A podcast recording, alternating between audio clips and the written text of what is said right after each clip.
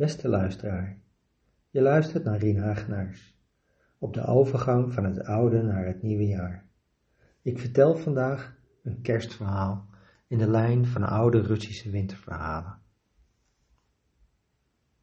Tijdens de kerstvakantie gebruikten we een keer met z'n vieren, drie oude vrienden en een zekere Grigori Ivanovich, het middagmaal in restaurant Groot Moskou. Vanwege de feestdagen was het leeg in het restaurant en koud.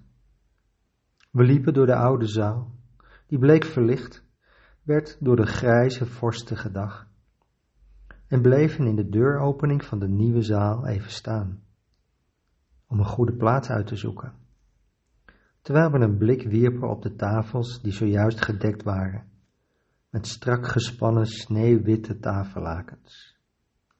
De Gérard een toonbeeld van netheid en vriendelijkheid, maakte een bescheiden hoffelijk gebaar naar de verste hoek, waar een ronde tafel stond met daarachter een bank in een halve cirkel. We liepen erheen. Vrienden, zei de componist, terwijl hij zich met zijn gedrongen lichaam achter de tafel op de bank liet vallen. Vrienden, ik heb er nu een zin in om jullie vorstelijk te onthalen. Ober, Maak er een waar tafeltje dekje van, zei hij, terwijl hij zijn brede boerengezicht met de spleetoogjes naar de kelner wendde. U kent mijn koninklijke allures. Natuurlijk, die ken ik zo langzamerhand op het best, antwoordde de oude wijze kelner met een keurige zilvergrijs baardje, terwijl hij met een gereserveerde glimlach een asbak voor hem neerzette. U kunt er gerust op zijn. Pavel Nikolevich, dat we ons best zullen doen. Een ogenblik later verschenen er glazen, bokalen flessen met likeuren in verschillende kleuren. Roze zalm, gedroogde donkerrode steurig, een schaal met geopende schelpen op stukjes ijs. Een oranje blok Cheshire kaas, een glanzende zwarte klomp van geperste caviar en een witte door de kou beslagen emmer met champagne. We begonnen met wodka. De componist hield ervan zelf in te schenken. Hij vulde drie glaasjes en talmde daarna plagend. Mijn beste Georgi Ivanovich, mag ik u ook inschenken? Georgi Ivanovich, een zeer stil en onveranderlijk goed gehumeurd man, die maar één zeer eigenaardige bezigheid had. De vriend te zijn van bekende schrijvers, schilders en toneelspelers kleurde licht. Hij kreeg altijd een kleur voor hij iets ging zetten, zeggen. En antwoordde ongedwongen, met een zekere overmoedigheid, maar al te graag. Mijn onverbeterlijke Pavel Nikola. De componist schonk hem in stootte lichtjes met zijn glaasje tegen de onze, bracht de wodka met een zwaai naar zijn mond met de woorden op uw gezondheid en stortte zich met veel animo op de spijzen. Wij deden hetzelfde en waren daar een tijdje zoet mee. Daarna bestelden we vissoep, vissoep en staken een sigaret op. Uit de oude zaak kwamen plotseling zachte, droevige klanken van een verwijtend jengelende muziekautomaat.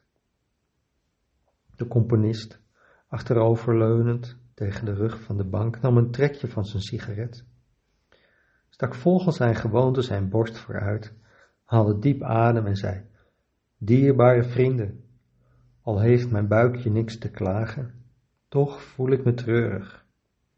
Ik ben treurig omdat ik me bij het wakker worden een kleine geschiedenis herinnerde die een van mijn vrienden, een ezel eerste klas, zoals later bleek, precies drie jaar geleden is overkomen op de tweede kerstdag. Een kleine geschiedenis, maar ongetwijfeld een amoureuze, zei Georgi Ivanovich met zijn meisjesachtige glimlach. De componist keek hem van terzijde aan. Amoureus? zei hij met een kille sport. Ach, Georgi, Georgi Ivanovich, hoe zult u zich op de dag des oordeels voor uw verdorvenheid en uw meedogenloze geest kunnen verantwoorden? Nou ja, God zij u genadig. Je veux un trésor, qu'il contient tout le feu, la jeunesse. Zong hij met opgetrokken wenkbrauwen mee met de muziekautomaat, die Fouest speelde, en vervolgens, terwijl hij zich tot ons wendde, dit, mijn vrienden, is de geschiedenis. Er was eens, in een ver, ver land, een meisje dat regelmatig op bezoek kwam in het huis van een zeker heer. Ze was een studievriendin van zijn vrouw en zo ongekunsteld en lief dat de heer haar simpelweg Ida noemde. Dat wil zeggen, alleen bij haar voornaam. Het was Ida en niet anders. Hij wist niet eens precies wat haar achternaam was. Hij wist alleen dat ze uit een nette maar arme familie kwam. Dat ze de dochter was van een muzikus die ooit een bekend dirigent was geweest. Dat ze bij haar ouders woonde en, zoals het behoort, wachtte op een echtgenoot. Dat was alles. Hoe moet ik u deze Ida beschrijven? De Heer voelde veel sympathie voor haar, maar ik zeg het nog eens, de aandacht die hij aan haar besteedde was eigenlijk nul.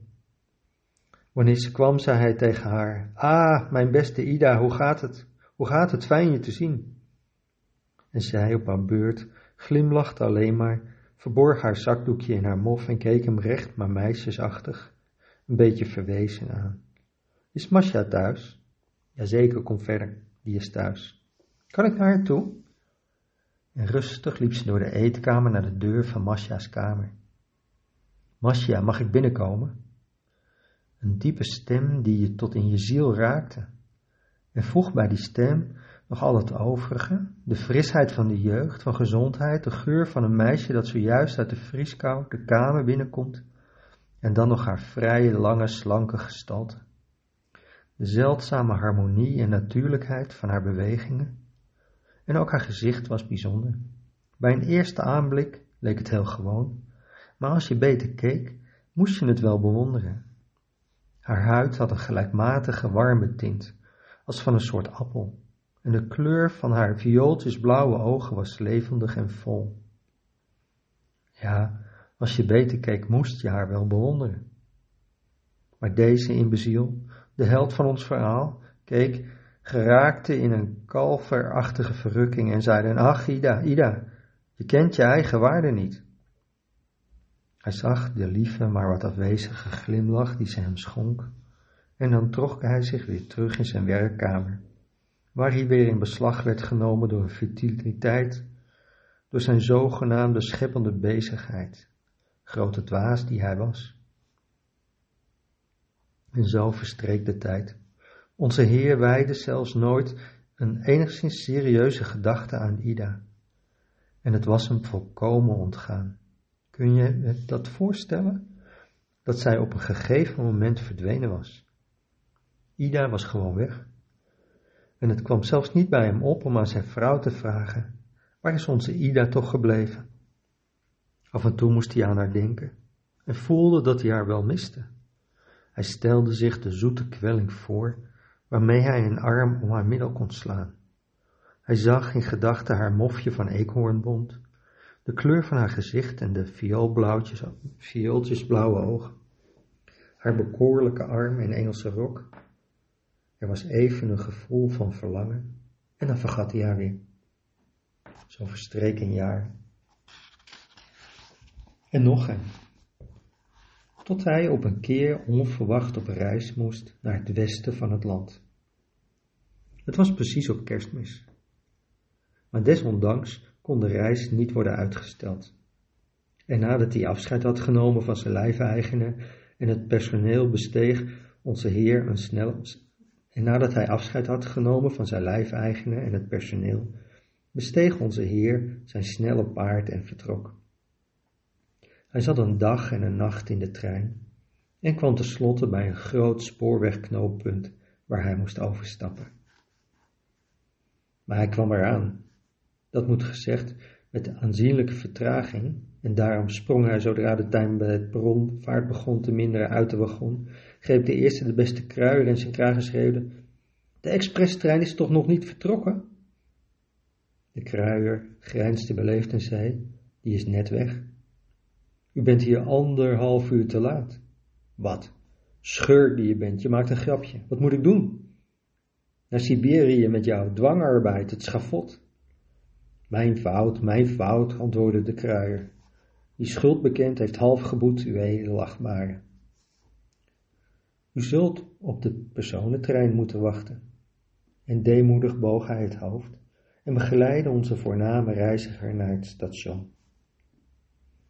Op het station was het druk en gezellig, behagelijk warm. Er woedde al een week lang een sneeuwstorm en op de spoorlijnen was het één chaos. Dienstregelingen waren in de war en op de spoorwegknooppunten was het propvol. Hier natuurlijk hetzelfde liedje. Overal mensen, bagage, buffetten die de hele dag open waren. Het rook er naar eten, samowars, wat zoals bekend niet slecht is wanneer het vriest en sneeuwt. Bovendien was dit een welvarend ruim station, zodat de reiziger onmiddellijk het gevoel had dat het geen grote ramp zou zijn om hier zelfs maar een hele dag te moeten doorbrengen. Ik knap me even op en dan ga ik eens uitgebreid eten en drinken, dacht hij, vergenoegd.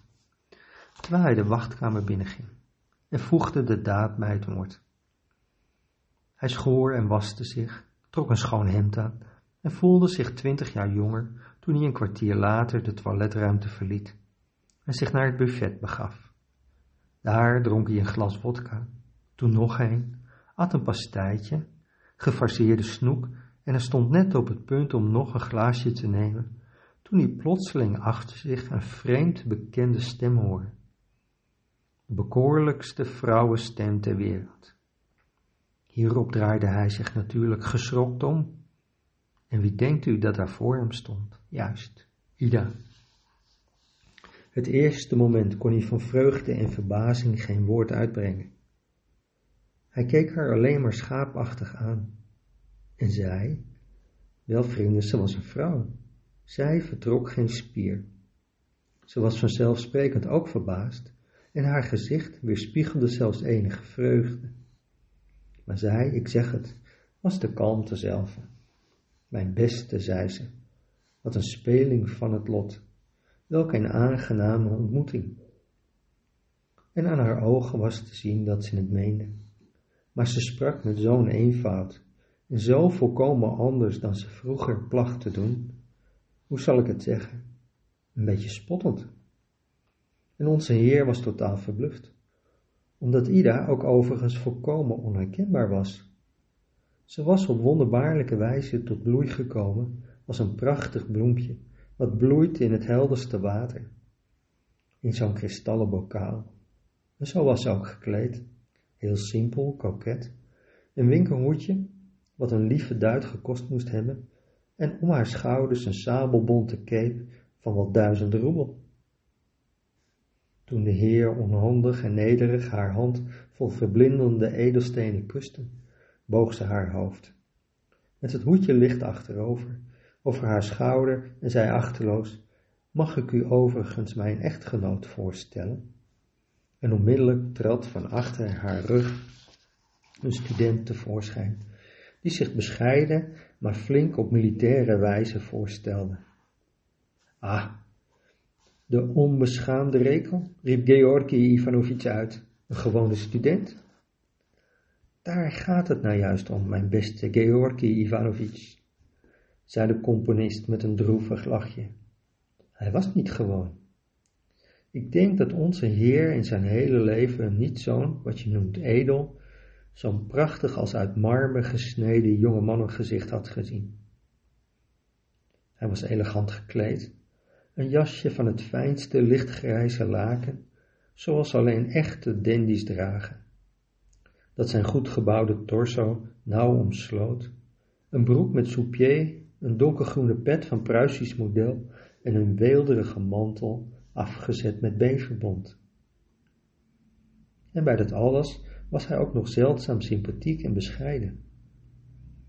Ida mompelde een van de meest vooraanstaande Russische familienamen en snel nam hij zijn pet af, met een hand die in een wit suède handschoen was gestoken.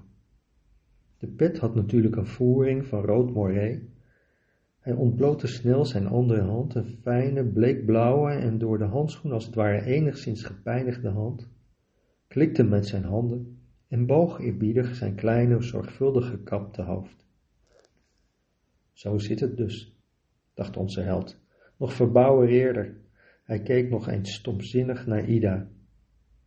En door de blik die zij langs de student liet glijden, begreep hij onmiddellijk dat zij natuurlijk de heerseres was en hij de slaaf. Geen gewone slaaf echter, maar een die zijn slavernij met het grootste genoegen, zelfs met trots, kon verdragen. Heel erg blij met u kennis te maken, zei de slaaf, uit de grond van zijn hart, terwijl hij met een opgewekte, aangename glimlach weer rechtop ging staan.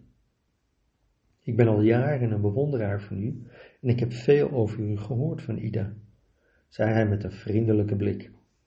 En hij wilde het gesprek al op gepaste wijze voortzetten, toen hij onverwacht werd onderbroken. Hou je mond, Patrick, breng me niet in verlegenheid, zei Ida gehaast. En ze wendde zich tot onze Heer.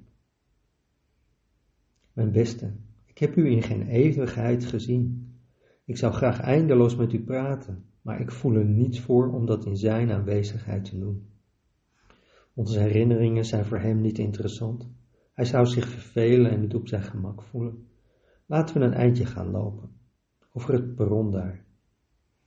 Terwijl ze dat zei, gaf ze onze reiziger een arm, voerde hem mee naar het perron, liep met hem over het perron tot bijna een werst verderop, waar de sneeuw bijna tot hun knieën kwam, en onverwacht verklaarde ze hem daar haar liefde.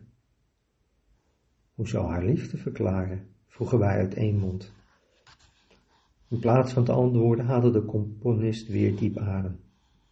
Waarbij hij zijn borst opzwol, zijn schouders omhoog gingen, omhoog gingen en hij sloeg zijn ogen neer, kwam log overeind, pakte de fles uit de zilveren emmer, uit het tinkelende ijs en schonk zichzelf van groot glas in. Er kwam een blos op zijn wangen, zijn korte nek werd rood. Voorovergebogen dronk hij in een poging zijn verlegenheid te verbergen, het glas in één teug leeg, en zong mee met de muziekautomaat. Laissez-moi, laissez-moi contempler ton visage. Maar stopte daar meteen weer mee en sloeg zijn nog dichte toegeknepen ogen vastberaden naar ons op en zei, ja, haar liefde. En deze verklaring was helaas volkomen echt en serieus. Dwaas, Vreemd, onverwacht, onwaarschijnlijk. Ja, vanzelfsprekend, maar niettemin een feit. Het was precies zoals ik het jullie beschrijf.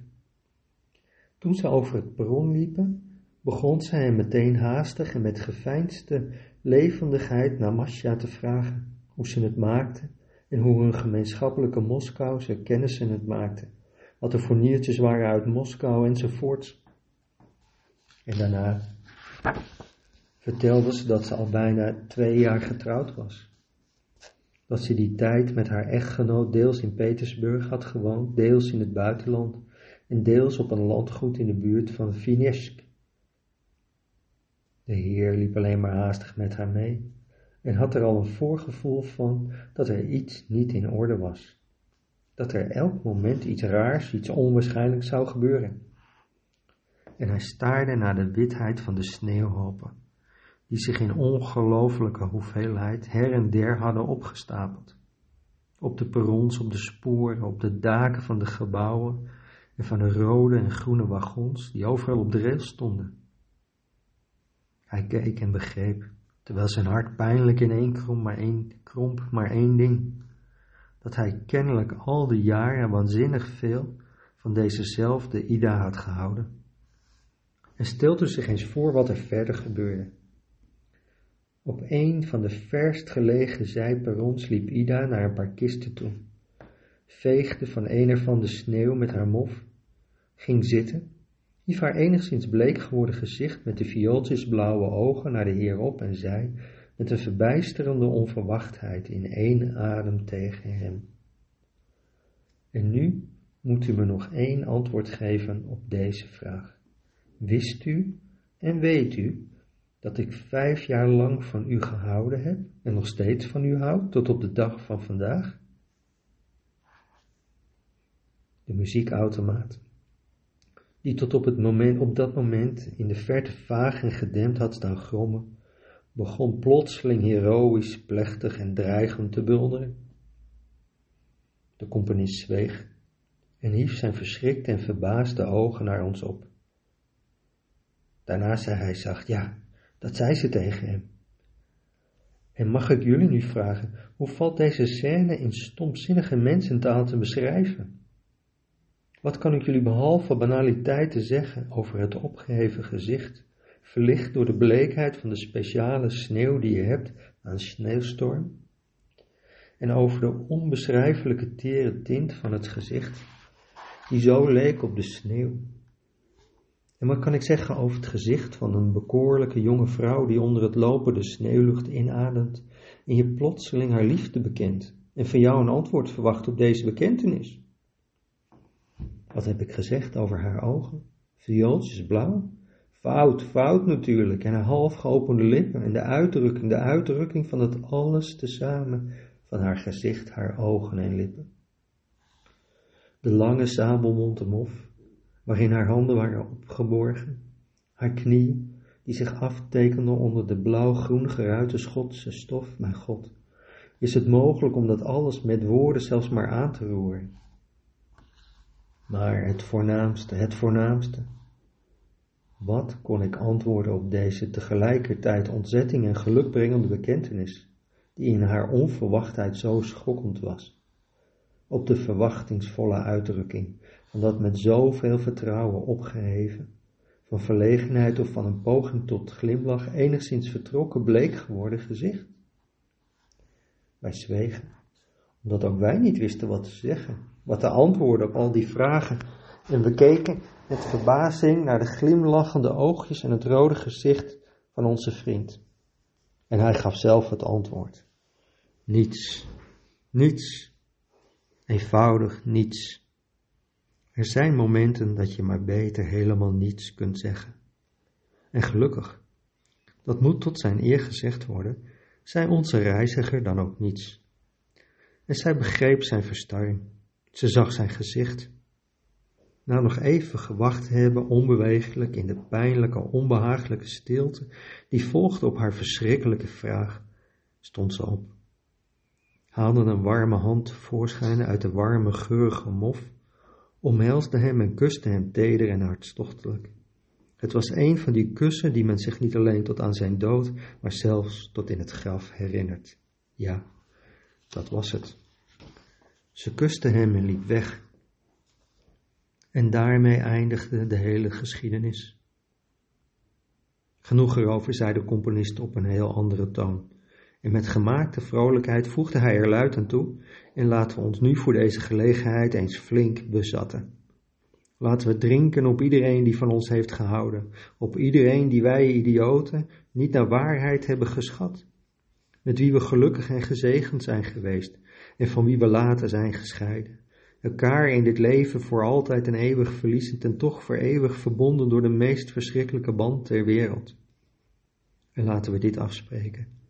Degene die aan het voorafgaande nog één woord toevoegt, krijgt deze champagnefles naar zijn hoofd.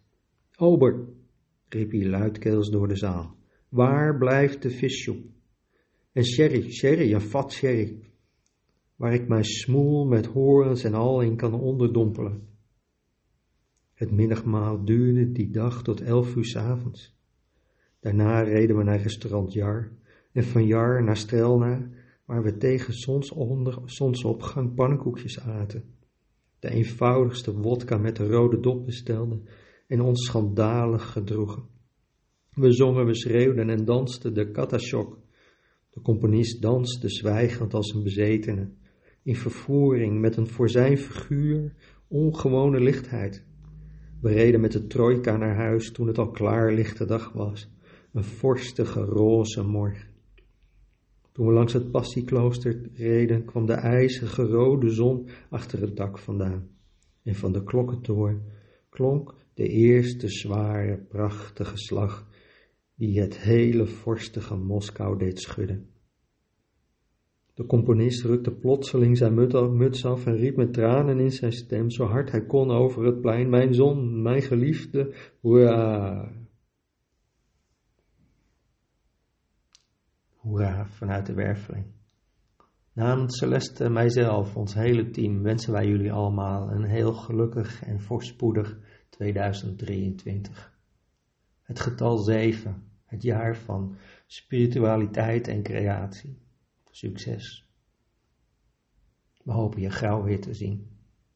Geniet van je vakantie.